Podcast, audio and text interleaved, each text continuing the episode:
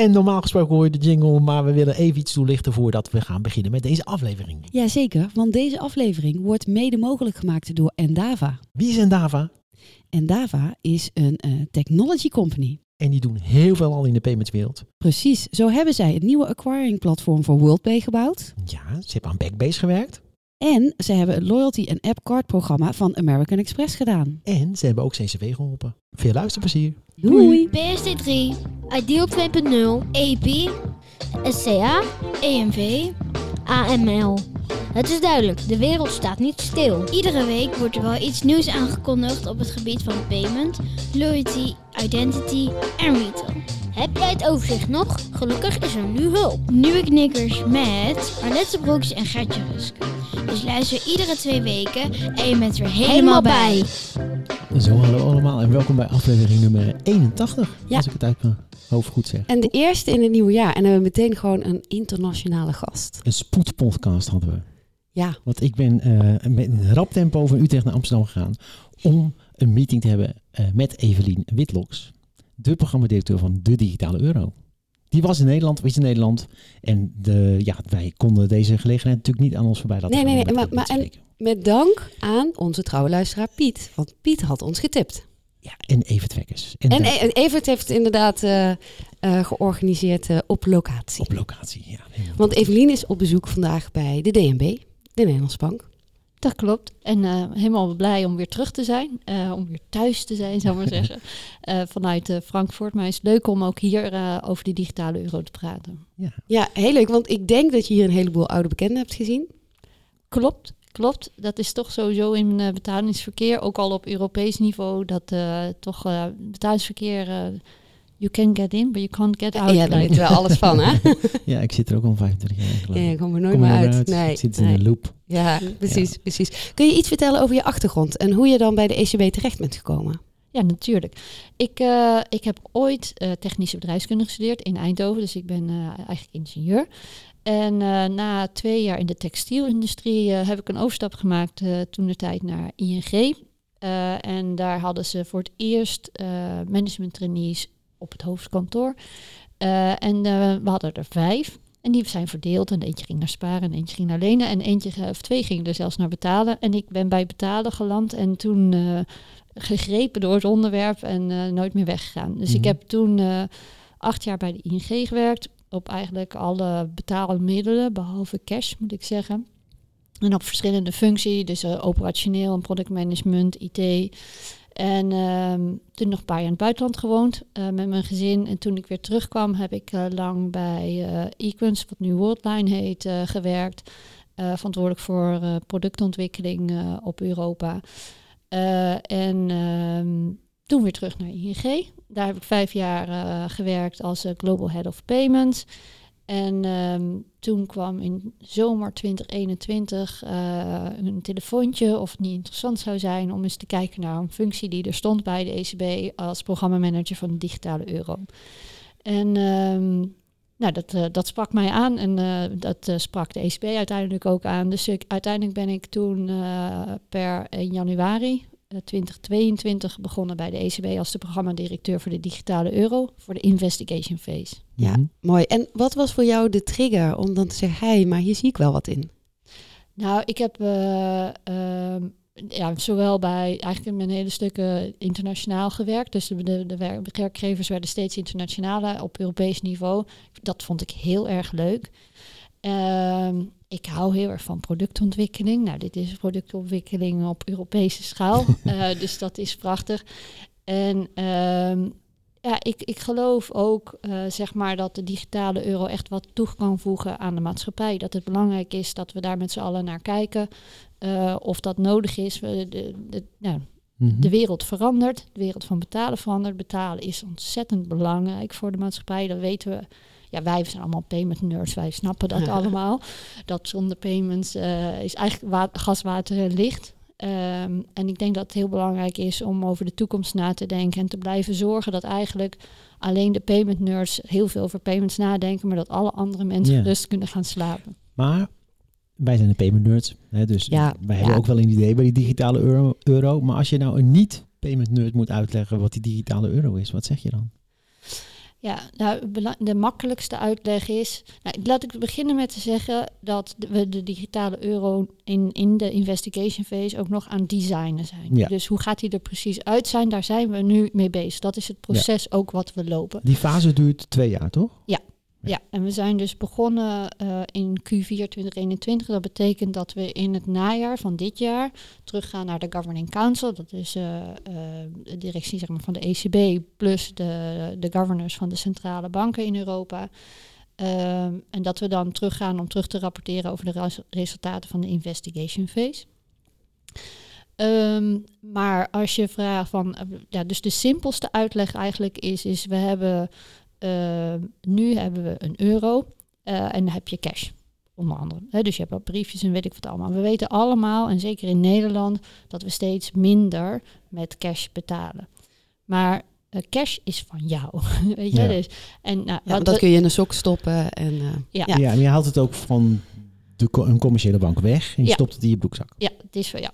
Nou, en, met, en de, digitale, de digitale euro is een vertaling van cash, zeg maar, in de digitale wereld. Dus dat zorgt Mhm. ervoor dat naast de, eh, de, de, de huidige betaaloplossingen die we hebben, eh, dat je ook zeg maar cash naar de digitale wereld brengt. Dus dat je ook een publiek goed, zeg maar, in de digitale wereld hebt.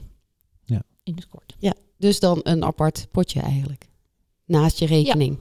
Ja. Je bankrekening moet ik dan zeggen. Ja, Ja. Hè, want de digitale euro is, die, die is echt gevlekt als een digitale Ja, euro. maar die Ja. heb jij ook bij jou dus. Hè? Dat is net als met, eh, met eh, contant geld. Als ik dat opneem bij de bank, dan heb, kan ik er wat mee doen. Kan begraven in de tuin, kan het versnipperen, kan er iets mee kopen. Maar dat betekent ook dat een commerciële bank met die digitale euro in principe niets kan doen. Nee, dat klopt. Dus je kan het ook. voor- stel dat je, want we, de distributie willen we wel gaan doen vi- via de huidige eh, kanalen die er zijn, dus Mhm. via, via, via, de, via de banken. Eh, onder andere, ik moet iets, het is iets, we noemen het eh, iets breder, supervised intermediaries. Dus dat kunnen ook betaalinstellingen zijn of electronic money institutions. Hè, dus het is iets Ja. breder dan de banken. Maar wel gereguleerde partijen. dus ik kan Gereguleerde nu niet hier... ehm eh, Gert-Jan die kan apps bouwen. Dus Gert-Jan bouwt de mobiele sok als app. Dat, dan, als hij dat wil doen, oh, en daar kunnen mensen dan toegang krijgen tot hun digitale euro, dan moet hij wel eerst langs de DNB om eh, daar een ja, maar eh, dat is papiertje toch voor te halen. met nu het contant geld ook. Nou, de, eigenlijk wat we, de, dus de, wat we voorzien hebben, en nogmaals, eh, ook de wetgeving is er nog in de maak, maar Ja. wat wij vanuit het project voorzien, is dat eh, ehm, gereguleerde partijen onder PSD2 de digitale euro kunnen distribueren. Ja, ja. Degene die een account kunnen aanbieden onder PSD2. Ja.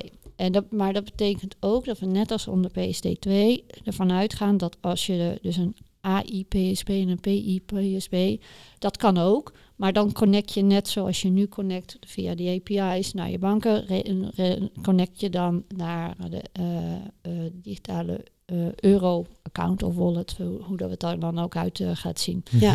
Dus dat als hij die, de, stel dat Gert-Jan die eh, app bouwt, dan zal die meer op een PSD2 manier moeten aansluiten dan dat hij een distributeur eh, eh, wordt. Ehm, nou ja, in ieder geval de parallel wat ik eigenlijk wilde uitleggen is, je kan bijvoorbeeld, stel dat je eh, nu bij de bank een kluis huurt en je legt daar je cash in. Dat is eigenlijk zoals je eh, de digitale euro zou moeten zien. Is, je hebt als eindgebruiker heb je een contract met je bank. Gewoon, dus als consument heb je gewoon een, een, een rekening of een wallet die open je bij een bank. Dus die doet ook KYC. Eh, die doet ook, eh, maar en dan de, waar de digitale euro's die je daar ophoudt, die zijn inderdaad van jou, zoals Gert-Jan eh, net Ja. zei. Maar Ja. kan, kan, de, kan de bank dan wel zien wat er in die wallet zit? Ja, en we eh, ehm, Dat is ook al gewoon, dat is het uitgangspunt in het design ook. Of, of- Ja, we hebben, we hebben eh, op dit moment zijn we, hebben, voorzien we eigenlijk twee vormen, verschijningsvormen van de digitale euro. En Mhm. de een is online en die noemen wij third party validated. Dat betekent dat die over een netwerk gaat waar een derde partij tussen zit om te zorgen dat die transactie van A naar B eh, kan en dat die gevalideerd wordt. Dus die lijken eh, qua techniek en qua oplossing heel erg op de huidige digitale betaalmethodes. Eh, en op die transacties doen, moeten banken transactiemonitoring doen. Ja. Dus dat zou voor de digitale euro ook zo zijn. Ja. De andere verschijningsvorm waar we over nadenken is een offline eh, variant. Mhm. En die noemen we peer-to-peer validated. En dat Mhm. betekent dat, je, eh, dat er een, beide partijen een secure element moeten hebben. Dus dat kan in je phone zit, de telefoon zitten of op een kaart. Oh ja, een bankkaart bijvoorbeeld. Ehm, en, maar als die opgeladen is, dan kun je die tegen elkaar houden en dan, eh, of bij elkaar Ja, houden. ja. En dan kan je met elkaar een betaling doen zonder dat die over een netwerk gaat.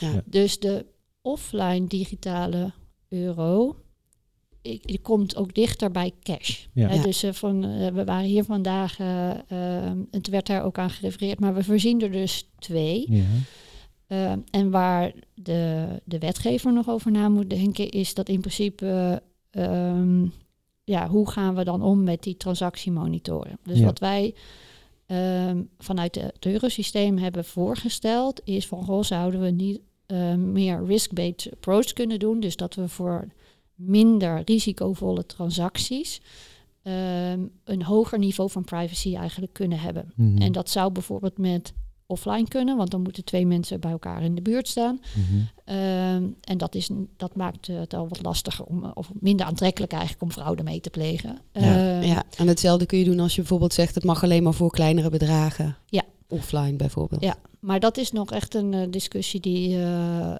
die, die de wetgever moet voeren. En waar eh, we uitkijken naar wat er in de draft-wetgeving Ja. eh, komt te Ja, staan. want die draftwetgeving die komt dan bij al die lidstaten weer uit. Die moet dan ook door de lidstaten beoordeeld worden? Of? Nou eh, ja, uiteindelijk moet die door het Europees Parlement worden aangenomen. Ja. Ehm, en eh, dus de, Europese Commissie is daar nu mee bezig en die verwacht hem eh, eind mei te kunnen publiceren Mhm. van dit jaar. En dan, eh, ja, dan gaat hij in de gebruikelijke eh, gesprekken met de member states. En dan moet uiteindelijk, eh, die uiteindelijk door het Europese parlement aangenomen Ja. worden.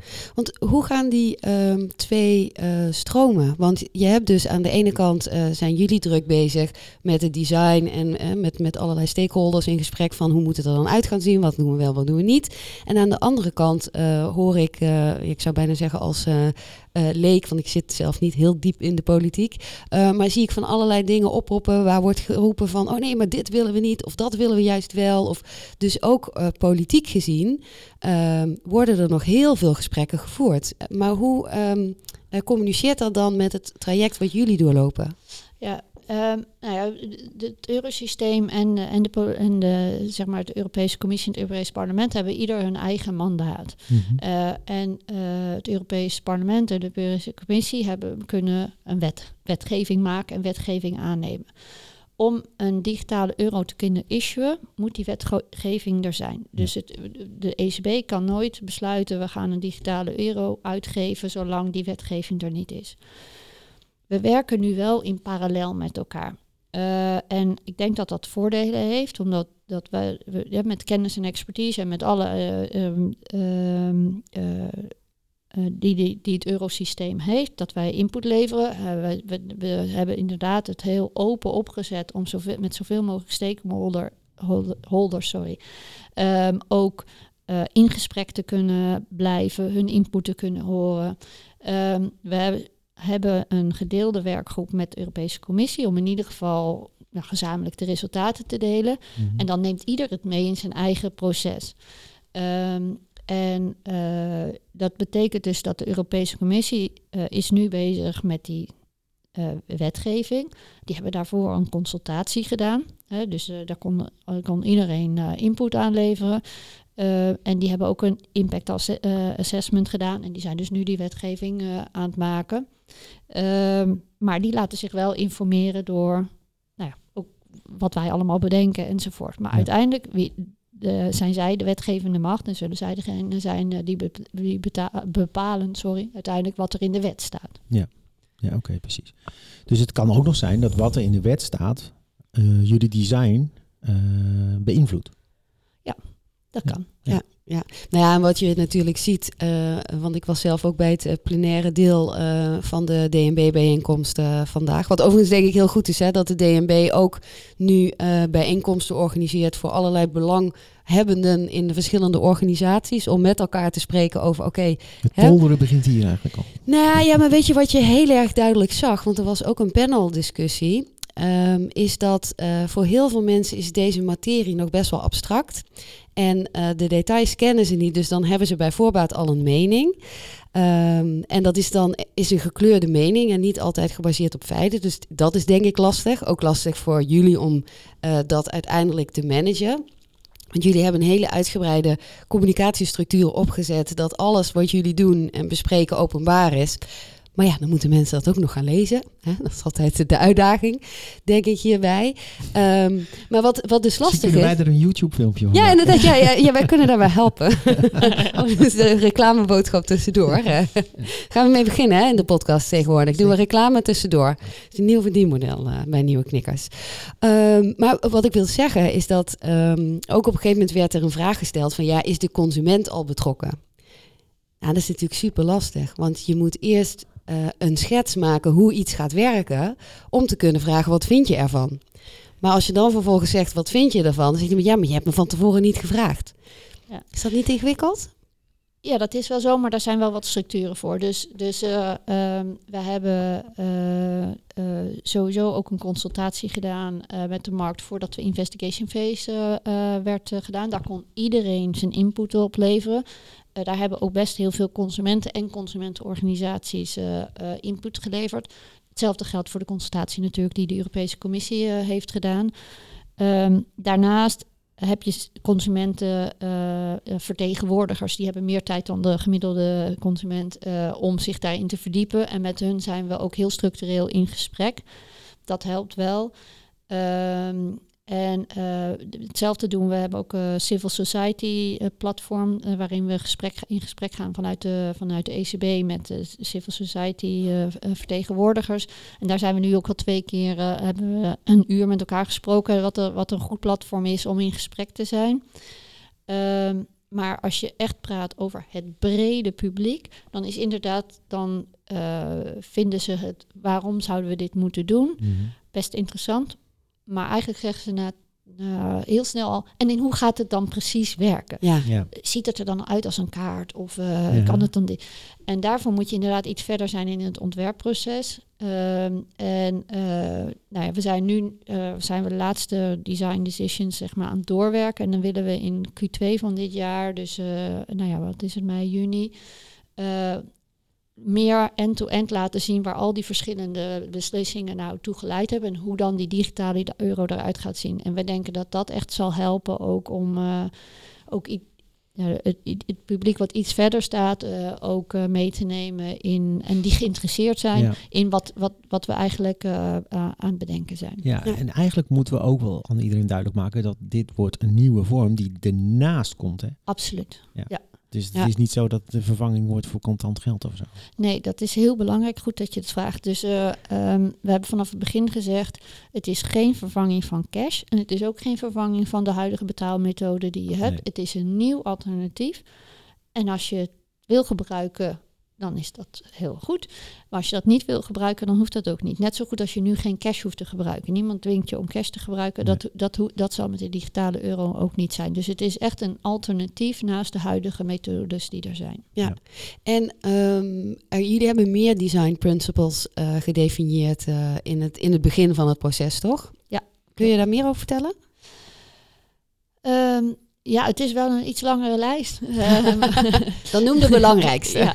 Nou ja, kijk, het belangrijke, ehm, de belangrijk is dus, het is een pu- publiek goed. eh, en het is dus de digitale euro, is eigenlijk wat Gert-Jan ook eh, vroeg, is dus echt van jou, net zoals cash.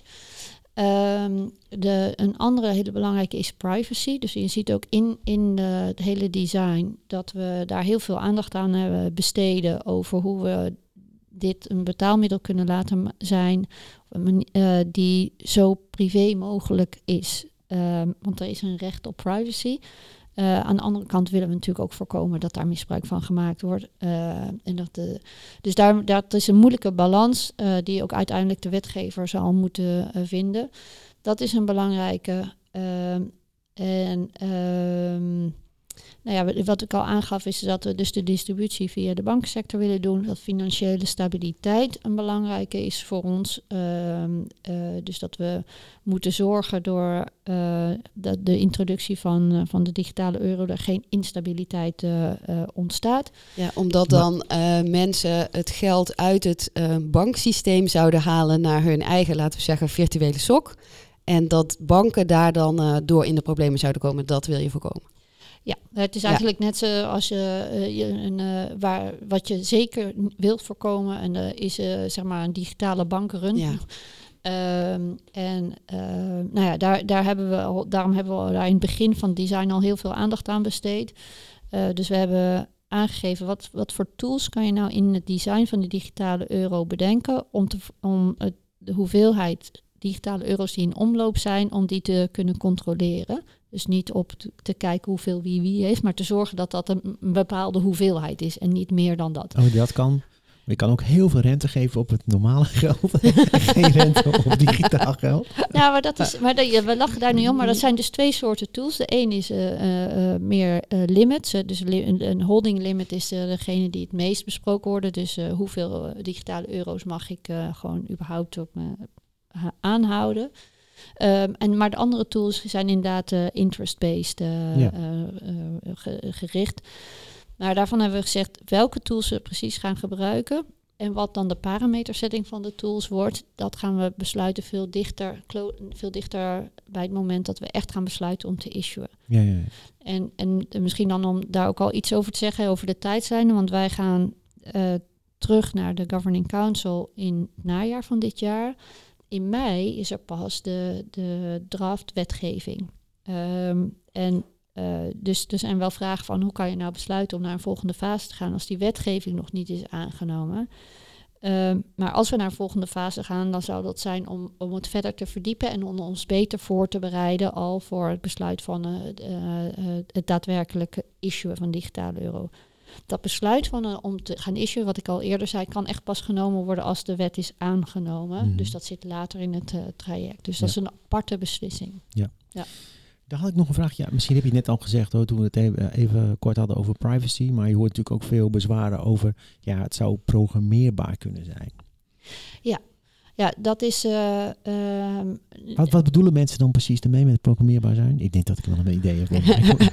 Goed, goede open vraag. ja, ja, nou ja, wat wij hebben gezegd is, eh, en nou, daar, ze- daar, ik denk dat daar de verwarring in ontstaat, is, is dat ehm, digitale euro zou een goe- een goede basis kunnen zijn om programmable payments te doen. Ja. Nou, dat klinkt heel sexy, dacht ik in het begin ook. Dacht ik, wauw, wat zou het allemaal zijn? Eh, en toen zei iemand, nou, dat is bijvoorbeeld dat je dan instelt dat je iedere eerste eh, ehm, eh, maandag van de maand je, je rente over, of je huur overmaakt naar je huisbaas. Oh, oh, dat is een standing order. Ja, ja, Ja. Dus, dus het, het klinkt heel sexy. Je kan er natuurlijk programmable payments kan je iets meer mee doen, maar eigenlijk zijn het, dus we, we zitten erover te denken om de terminologie iets te veranderen, om de om de verwarring te verwijderen naar conditional payments. Het gaat erover, er gebeurt iets en dan kan, en dan kan die payment gedaan worden. Dus dat Mhm. zou bijvoorbeeld eh, ook eh, nou ja, gewoon het- je digitale leven wat kunnen faciliteren. Ja, ja, maar er zijn er eigenlijk al heel veel dingen die banken in hun banksysteem ook al hebben gebouwd. Nou, dit, Toch, ja, ja, en het, en, het- en het probleem, of het, eh, wat er dan een standing order zit, zit heel erg in één systeem. Maar je kan je ook voorstellen dat een conditie, zeg maar, eh, niet zit bij degene die niet getriggerd wordt door degene die de betaling moet triggeren. Dus je moet je ervoor zorgen dat diegene die dan de betaling mag triggeren, die die, Ja. die boodschap krijgt. Dus Ja. eh, daarvoor is het belangrijk eigenlijk dat er een, eh, een soort standaard komt en een soort platform waar je kan doen. Nou, je kan je voorstellen als je een digitale euro hebt met, een, met één settlement engine, zeg maar, daaronder, dat dat een hele mooie basis is om zulke soort functionaliteiten op te bouwen. Eh, dus daarvan hebben we gezegd, dat kan. Wat we vanuit digitale euro eh, eh, gaan doen, we hebben gezegd, is de banken of de, de markt weet, is veel innovatiever en staat veel dichter bij de eindgebruiker. Dus die, die moet maar use cases bedenken voor welke programmable payments of conditionele payments interessant zijn. Wat we zouden kunnen facili- faciliteren in het scheme rulebook, zeg maar, wat we aan, met de digitale euro ook willen lanceren, dat we daar een aantal standaard, dat we een soort harmonisatie en standaardisatie doen, zodat het makkelijker is om zoiets uit te rollen over Europa. Ehm, maar ja, dan nog, ben ik nog steeds niet bij programmable payment, eh, money. Eh, eh, en dan programmable payment is dat ik zeg, oké, bij de eerste van de maand moet jij de huur aan de huurbaas betalen. Eh, op het moment dat die huurbaas dat geld krijgt, is dat geld voor de huurbaas en kan die ermee doen wat hij wil. Mhm. Eh, programmable money zou zijn dat het zeg maar in het geld embedded is. En dat betekent dat we zeggen, nou, met dit geld mag je alleen maar boeken kopen. Mhm. Maar dat betekent Ja. dat als ik aan jou betaal, dat jij nog steeds ook alleen maar, als jij weer gaat betalen, het alleen maar aan boeken mag uitgeven. Ja. Of waar mensen bang voor zijn, eh, is dat ehm, op een gegeven moment zeggen, nou, eh, eh, als het na een jaar niet is uitgegeven, dan verloopt het. Nou, dat is, dat is niet wat we gaan doen met de digitale euro. En eh, wat eh, onze boardmember ook eh, vandaag in, de, in het parlement daarover zal zeggen, is ja, dat zou zijn alsof we vouchers uitgeven. Ja. Ja. En, en dat, we, we zijn de centrale bank, wij, wij geven geld uit en geen Mhm. vouchers. Ja, Dus programmable money, daar zijn mensen bang voor, maar dat is nooit de bedoeling geweest. Nee. En het is ook niet de bedoeling en dat gaan we ook nee, niet doen. precies. Maar dat, dat komt natuurlijk omdat het, de technologie achter dit hele verhaal wordt natuurlijk ook, ja, ik weet nog niet eens Mm. precies wat dat gaat zijn, die technologie daarachter. Nee. Hè, dus Ik ook niet. Je weet het ook niet. Maar dat zou, eh, dat zou natuurlijk kunnen, in die technologie zou het kunnen, kunnen zijn dat je, dat je dat kan programmeren inderdaad. Dus daar, daarom, daar komt Ja, technisch gezien kan het, bedoel je. Ja. Dus technisch gezien Nou ja, en je Dus zag dat- natuurlijk eh, in het dus verleden, want slaat de fantasie op hol. bij. Ja, wij hebben in het verleden hebben wij wel eens gesproken met iemand die eh, heel erg bezig was met meer soort community payments. En dat ging er dan over dat je dan het geld in de wijk wilde houden. Mhm. Em, en eh, dus hij zou hier heel, heel blij Nou, van worden. Ja, ja, dat is, nou ja, Omdat, dat- eh, dat- hè, en, en ja, je kan natuurlijk use cases bedenken eh, van, hey, dit is eh, gunstig eh, vanuit ehm, eh, als mensen een bepaald eh eh, tegoed krijgen, dat ze dat ook alleen maar kunnen besteden in de sportschool, want dat het goed is om te stimuleren dat ze gezond leven. Of ja. alleen denk ik dat het verschil met de ECB is dat jullie iets breeds voor iedereen willen neerzetten Nou, en dan het niet zo specifiek meteen wordt. ik zou het dan meer vergelijken met contant geld. De ECB geeft euro's uit. Ja. En niet iets anders. Nee, Die geeft nee, niet een inderdaad lokale geen- valuta nee. uit voor een dorp. Nee, Nee, inderdaad. we hebben geen boekenbon. Nee. Eh, dus, eh, dus het is gewoon echt geld. Dus, dus er zijn best use cases voor. Ehm, eh, maar ja, dat, dat, dat zit dan echt in een andere sector. Dat Ja. gaan we niet voor de euro doen. Dat is niet, niet wat wij gaan doen. Oké, nou kwam ik nog iets tegen op LinkedIn. Ja. Er staan, de lijnen staan Goed geresearched. er staat, if you wish to participate, you will need to submit your responses no later than Friday the 17th. En dat gaat over, wie consulteren jullie? Eh, dat is een market research. Nou, we doen heel veel consultaties eigenlijk wel naar, de, naar markt toe. Maar dit gaat over een market research die we gaan doen. Ja. Eh, en eh, je vroeg net al eerder van met welke technologie ga je het eigenlijk doen? Ja. Nou, dat weten we nog niet. Nee. En die market research is erop gericht om daar wat meer informatie over te krijgen. Dus wat we hebben gepubliceerd is zeg maar nou, high-level requirements of user requirements en architectuur, functionele architectuur. eh, eh, van de digitale euro. En eigenlijk vragen we aan de markt van, goh, kunnen jullie ons vertellen wat voor soort oplossingen jullie eh, zouden kunnen eh, verzinnen daarvoor? Wat zouden jullie voorstellen en wat zouden daar de kosten van zijn en wat zouden daar de eh, tijdslijnen voor implementatie van zijn? Ja. En dat is dan een van de inputs voor ons om eh, eh, ja, op een gegeven moment natuurlijk wel tot een technische keuze te komen. Mhm. We doen daar nog meer in. Dus we hebben voor de investigation phase zijn er al eh, een heel aantal experimenten gedaan door het eurosysteem. Ehm, tijdens de, deze investigation phase hebben we een prototype versie sessie gehad. Die hebben we in, zeg maar in laatste helft van vorig jaar gedaan. Dus daar zijn we nu de resultaten van bij elkaar aan het brengen. En daar komt ook een rapport over uit. Dus die market research is echt een uitnodiging aan de markt om op basis van zeg maar nou ja, de ruwe design wat er nu staat, onze input te geven over welke technologieën we zouden kunnen overwegen. Oké, maar die, dat ruwe design bestaat dan uit een aantal requirements. Ja, En- het is best een heel interessant eh, eh, het dossier om te lezen. Ja, Want, eh, want dit is eigenlijk, eh, Het heet annex. Er zit een, het hoofddocument is zeg maar gewoon een procurement document Ja. eigenlijk. Maar de annex eh, eh, 1 is zeg maar echt waarin wordt beschreven van, nou ja, dit is de digitale euro, dit zijn zeg maar de functionele componenten die we voorzien, Mhm. dit zijn de high-level requirements die we hebben. Eh, en dan vragen daarover. Maar er staat niet, gij zult eh, blockchain technologie gebruiken. Nee, helemaal niet. Eh, Maar dat kan wel een aanbieder zeggen van, je moet... ja, dat, wij, zijn zouden, wij zouden dat bouwen met blockchain technologie. Ja, en dan vragen we ook waarom. Dan kun je uitleggen waarom. Dus, dus we hebben in het, in het programma gezegd, en ik denk dat dat in zijn algemeenheid waar is, techno- technology needs to follow function. Ja. Dus de, de, de- blockchain is natuurlijk crypto. vanaf het begin hebben mensen iets van of een aanname gedaan dat we het zeker op blockchain technologie zouden doen, of zeker niet, want we zijn tegen blockchain. Eh, nou, wat hebben we gezegd?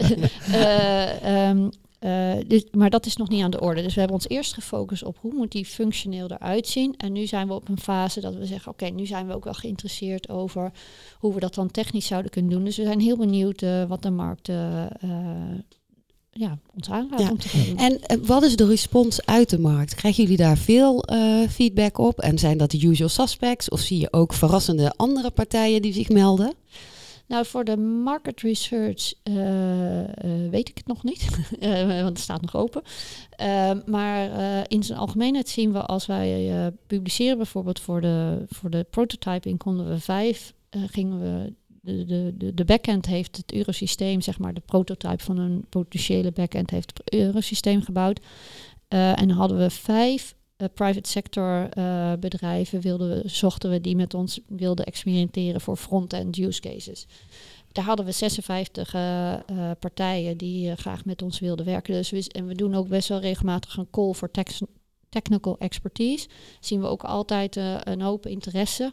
Ehm, en het ligt een beetje aan eh, welke, welk onderwerp het is, wie, er wie er komt. Maar het is een brede interesse om met ons eh, in gesprek te zijn en mee te werken aan het, eh, aan het design. En dat, daar zijn we heel blij mee, want we hebben alle kennis wel nodig om, om iets, iets goeds en iets moois te maken. Laten we richting een afronding gaan. Ja, En- want ja, we kunnen hier natuurlijk nog uren over praten. hè. Dat is eigenlijk de conclusie. Dat en ik sowieso. hoop ook eh, met Evelien de afspraak te kunnen maken dat we elkaar nog een keertje gaan spreken Ja. Eh, over dit onderwerp. Want het, ja, het is natuurlijk ontzettend interessant. Eh, maar het is ook nog een heel proces. Zeker. Hè, Het is nu maar niet klaar. ik wil nog één vraag stellen. Ja. Dat, nou- dat gaat namelijk gewoon over, als mensen nu geïnteresseerd zijn in dit hele verhaal. eh, kijk, je kunt een beetje gaan zoeken op LinkedIn en zo. Maar waar kunnen we mensen concreet naartoe? Ja, je kan eh, als je naar de ECB-website gaat, op de homepage staat een button van de digitale euro. Daar kan je op klikken. En als je daar dan binnenkomt, hebben we het zo gemaakt dat er eigenlijk eerst vier vlakken zijn waar op basis, als je daarop klikt, de, de high-level informatie krijgt. En als, als je daar dan, dus daar kan je eigenlijk je heel simpel laten informeren over, over eh, nou, een redelijk high level. Waar gaat het nou eigenlijk Mhm. over? Wat is allemaal al besloten? Ik heb ook, eh, er zit ook bijvoorbeeld een link naar een podcast die ik heb gemaakt voor de ECB. Mhm. Twee keer 15 minuten, dus dat, dat moet te doen zijn. Is ook al veel geluisterd. Eh, maar, ehm, eh, dus, en wat presentaties die we algemeen geven. Maar je kan, je, we publiceren echt alles. Dus bijvoorbeeld alle ehm, meetings die we hebben met de ERPB. Dus waar we onze design decisions eh, voorleggen. Die staan ook allemaal op die website. Mhm. Ehm, dus ja, de- ik- dat zou ik je aanraden om daar naartoe te gaan. En volg mij op LinkedIn, want Ja. ik probeer regelmatig eh, eh, een update te geven, zodat zo, iedereen... zo kwam ik ook bij, die, eh, bij, Ja. de- de- bij deze consultatie. Of vraag het eh, ChatGPT. Als die Ja. nog als dat zou je, dat zou je ook kunnen ja, proberen. Ja, daar kun je beter nieuwe knikkers even een mailtje sturen. Dat kan natuurlijk wel. Evelien, hartstikke bedankt voor jouw eh, flexibiliteit. Dat je ons eh, zo snel even te woord kon staan. En jullie bedankt voor het luisteren. Ja, en eh, wat mij betreft wordt vervolgd. Zeker weten. Hey, tot de volgende keer. Hoi. Doei!